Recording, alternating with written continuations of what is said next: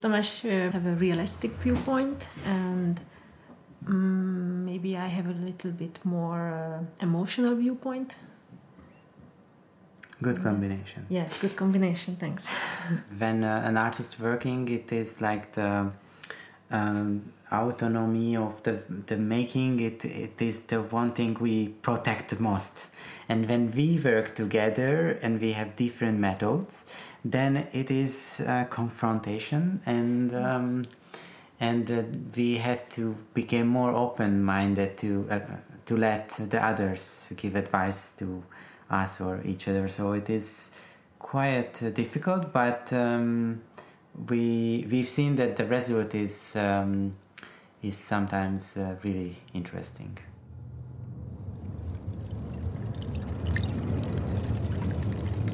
Art Inside Out-podden.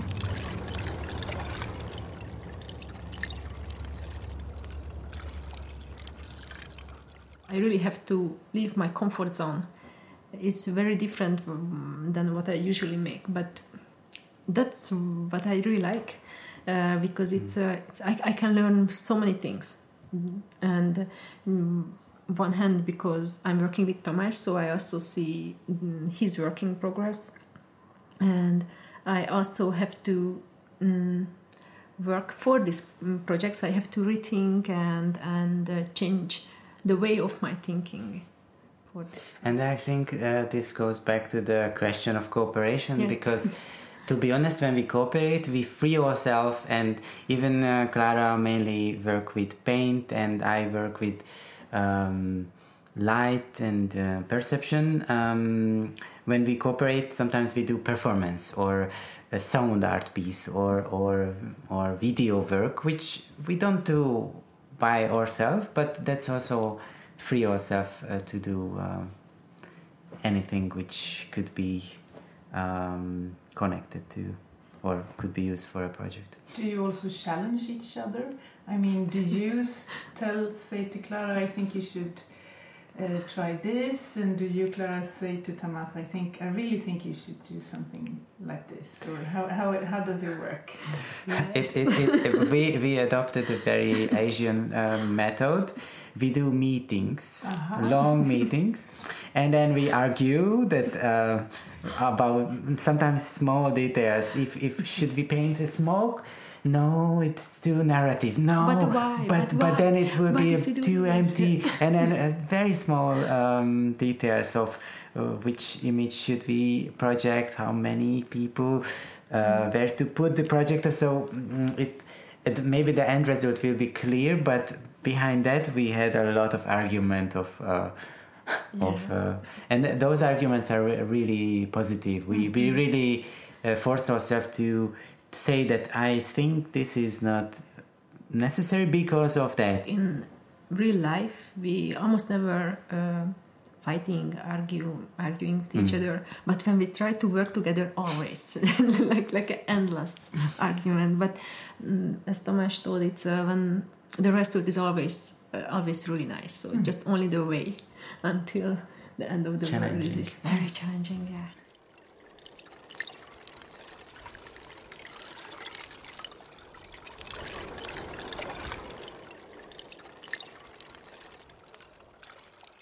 Klara Petra Szabo and Tamas Szvet are Hungarian artists. During the fall of 2018, they are attending the residency Skift Äskhult. Äskhult is a culture heritage village in the municipality of Kungsbacka in Sweden. In Äskhult, they are interested in collective memory. They are exploring different digital techniques and textile materials in their work called Tangible Narratives. We choose the, the story of a fire um, in Äskhult, which happened in 1953, because uh, it's uh, also a symbol of uh, change. And fire is a disaster, uh, but in such even the even the people come together naturally because they help each other, support each other, try to stop spreading the fire, and it's also a kind of positive social act. That was one of the reasons why we, we chose the fire. And it's also symbolically its uh, way of awareness and care and support. Yes, um, actually, first we searched for the interiors and um, and and we we wanted to relate the story to the house and this house belonged to the Jensas family, uh, which we will exhibit. It is um, had this story of a fire, but also that house is a replacement, but it is more older than the other houses. So it it's interesting for us to to do something with this space. And what is it you're going to do with it? What is it um, we will see when we visit the exhibition? Well, first of all, I have to say that it's quite challenging to work in these um, heritage sites because we cannot really do anything with the space.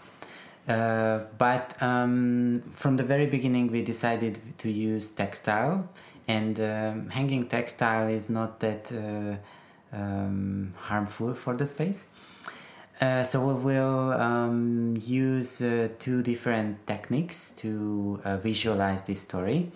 One technique will be projection onto um, into uh, transparent um fabrics, which will allow uh, the visitors to see behind the textile. So the the real space and the projection will merge, and um, the um, formal um, owners of the house will appear and sit there and stand there. And we will also use air movement to make this projection a little bit more alive. And the other technique we use is it is more magical because it it it uh, applies um, thermal paint, which reacts to uh, temper- temperature change. So um, close to the fireplace, there will be one uh, textile which have an image of the house burned down, and this image will disappear and appear in in uh, periodically. And actually, um, since uh, these uh, works already um, um, involve two different senses, one sense is the vision, and another one is the heat change, will be which, which will be very uh, easy to feel because for one minute will be hot, and then for one minute will be cold. Uh, so beside that, we'll also put some audio uh, to to make it more more uh, to have more, more sense in, in inside the space. Uh, I'm connecting um, every archive image together, which t- taken in um, in Äskhult, and I'm trying to create this kind of 360 degree view where where somebody could stand in the middle and then look around and um, I have to say that uh, it is really challenging technology wise. So I'm one day I'm very sure that I am. Um, one day I'm very sure that I it will be happen, and another day I I spend hours to understand why the image doesn't move. So, um, but um, even if I will finish only in certain degree for the exhibition, I'm sure I want to work with this more. Um, and um, strange enough, not so many people combine archive material with VR.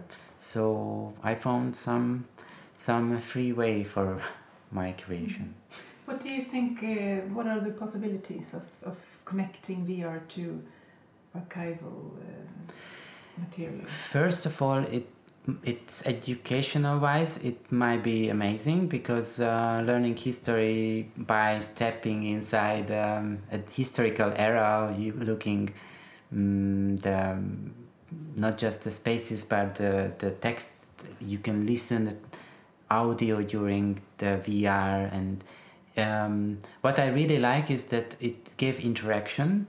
So there is a small controller which um, people can find hidden spots. They're not so hidden. There will be a very small spot visible, and if they con- use the controller, it will open up a new window, an image or audio or text, and uh, and so it will involve the the, the viewer, and. Um, well, I think it's just a very interesting combination. Heritage and recent technology together could could be very refreshing or or mm, I'm I'm really curious how it, how people will react.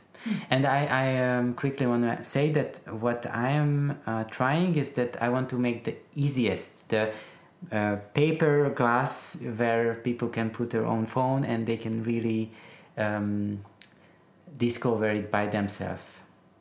So, and that's also very difficult because I need to read a lot about these applications.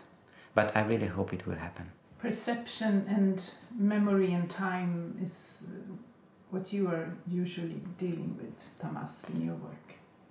Yes, um, actually, uh, I'm not the only one artist who doing this because uh, the topic uh, collective memory itself became very uh, popular or very important in the last uh, few years, and uh, this theme is originates from big anniversaries we had. Um, for example, the first and the second World War, and um, and so working with archive is really interesting because then we can introduce stories unwritten or stories forgotten and it is also uh, give the chance to the artist to kind of use these stories to observe the, the contemporary life we live in.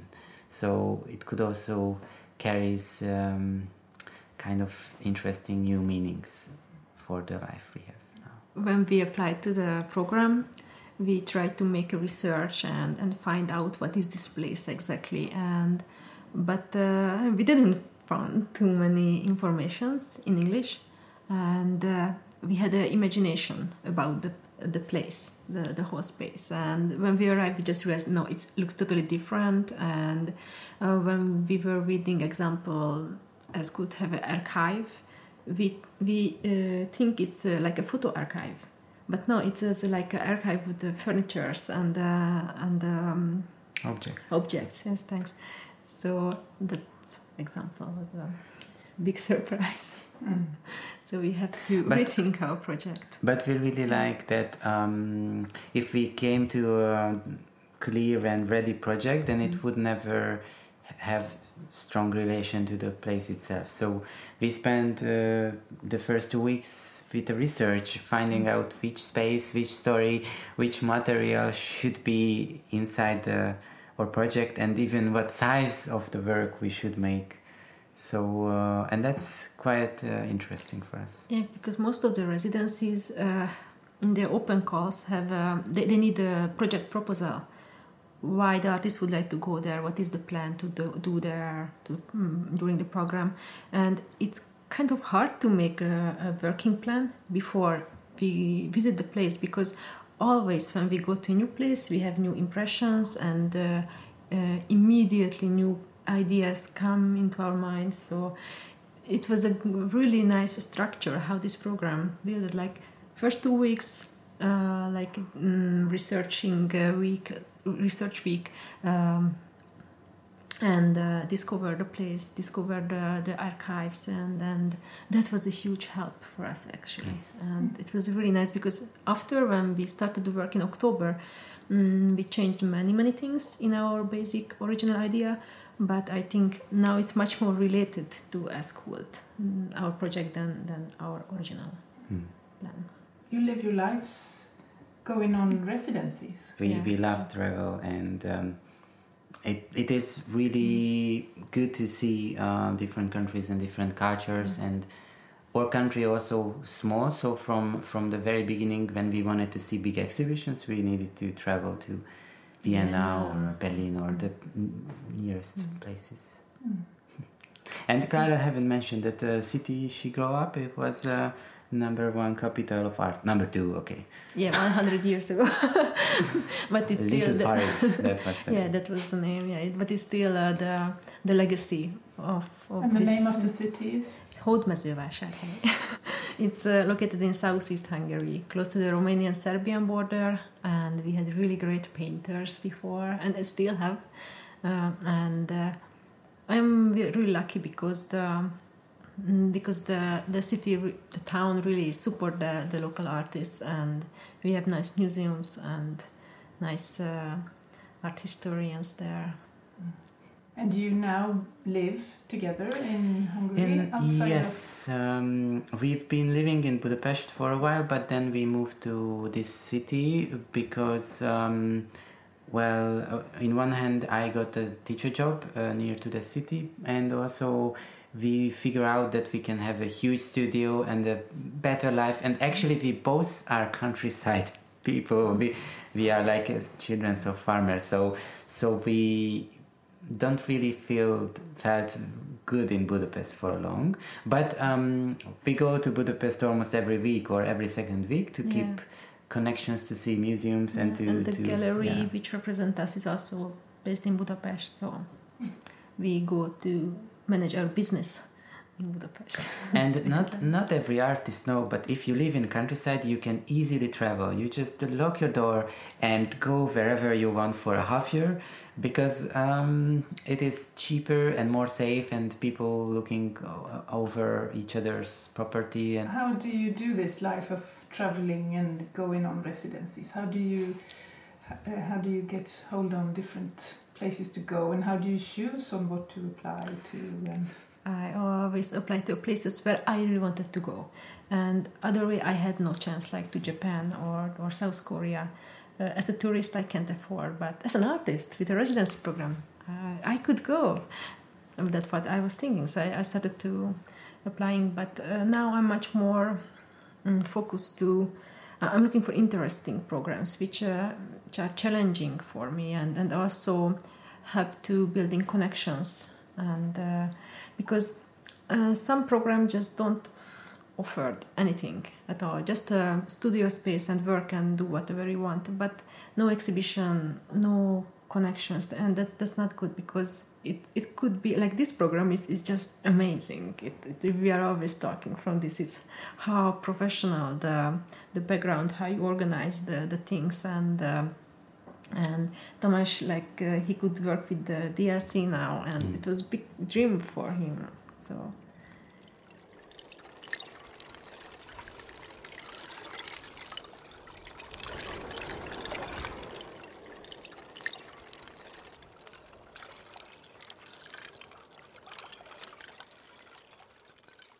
Hungary is like a bubble.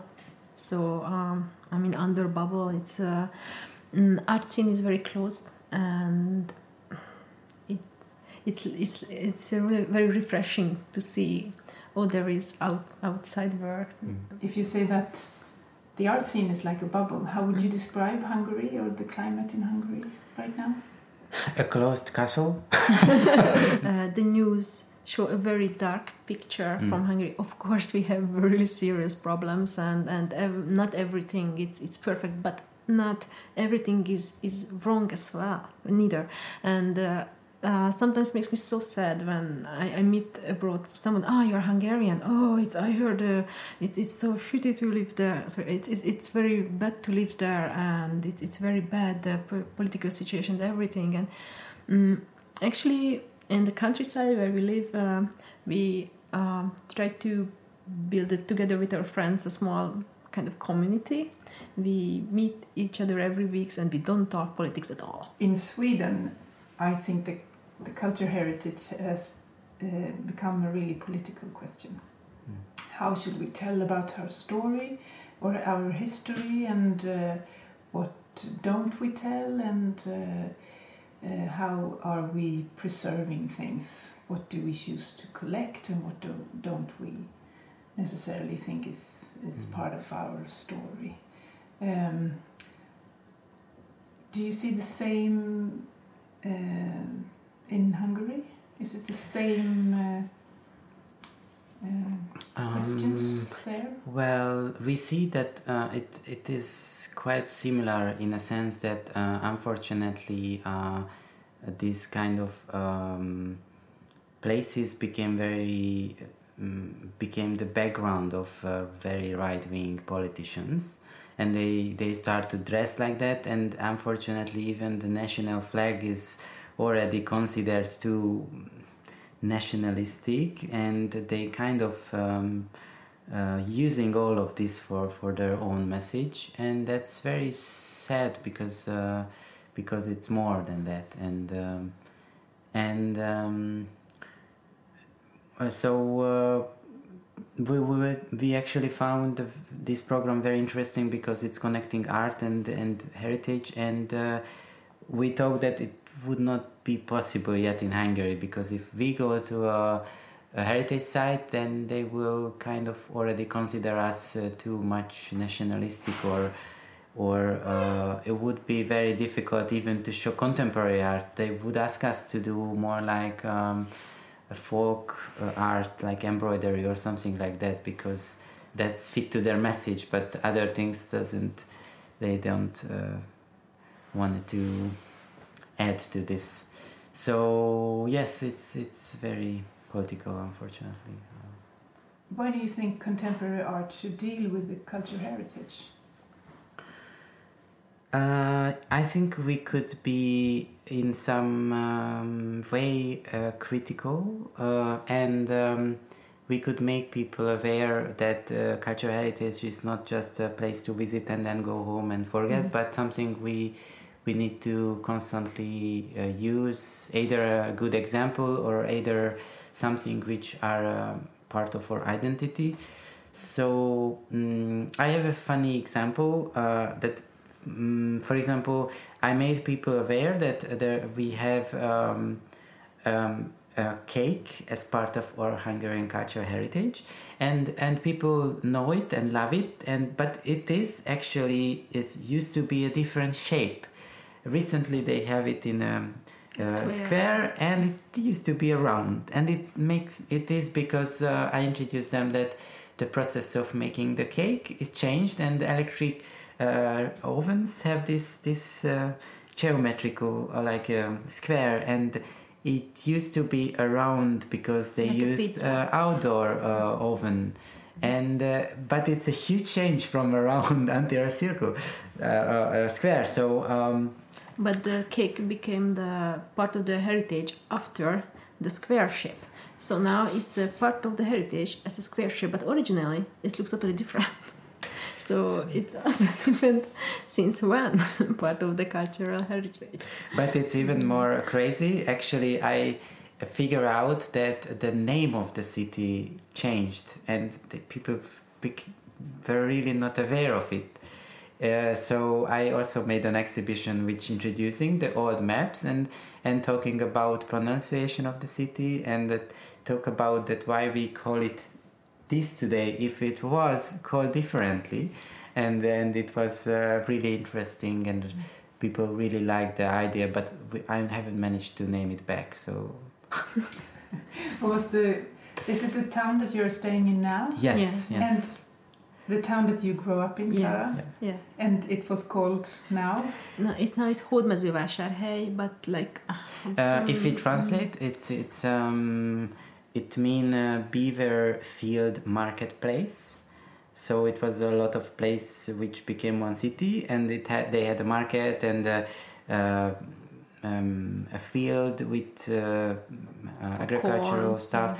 and they they think they had beaver animals but uh, to actually it was not beaver but it there was um, a shape a moon shape lake and the moon in my language is called hold it's and beaver it's yeah. called hod mm. and because of the pronunciation so it was a moon field marketplace but because of the pronunciation and people don't be able to write and we don't if i i found so many uh, historical facts but nobody can really tell why it's changed and we don't have beavers at all. And now the symbol of the city is a beaver and i want to live in the moonfield. So i i, I showed them that uh, these changes could happen so we should um, at least acknowledge them. After being here in kungsbacka and Äskhult where will you go?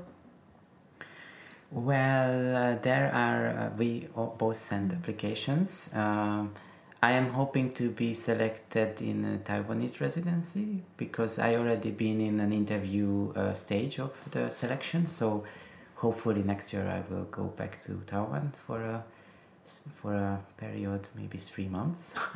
and uh, Klara have a lot of chance to be invited to an Austrian Österreich uh, Cultural Institute. So we both have our next. Yeah, I will have an exhibition with my, my best friend. In Eisenstadt in the next summer.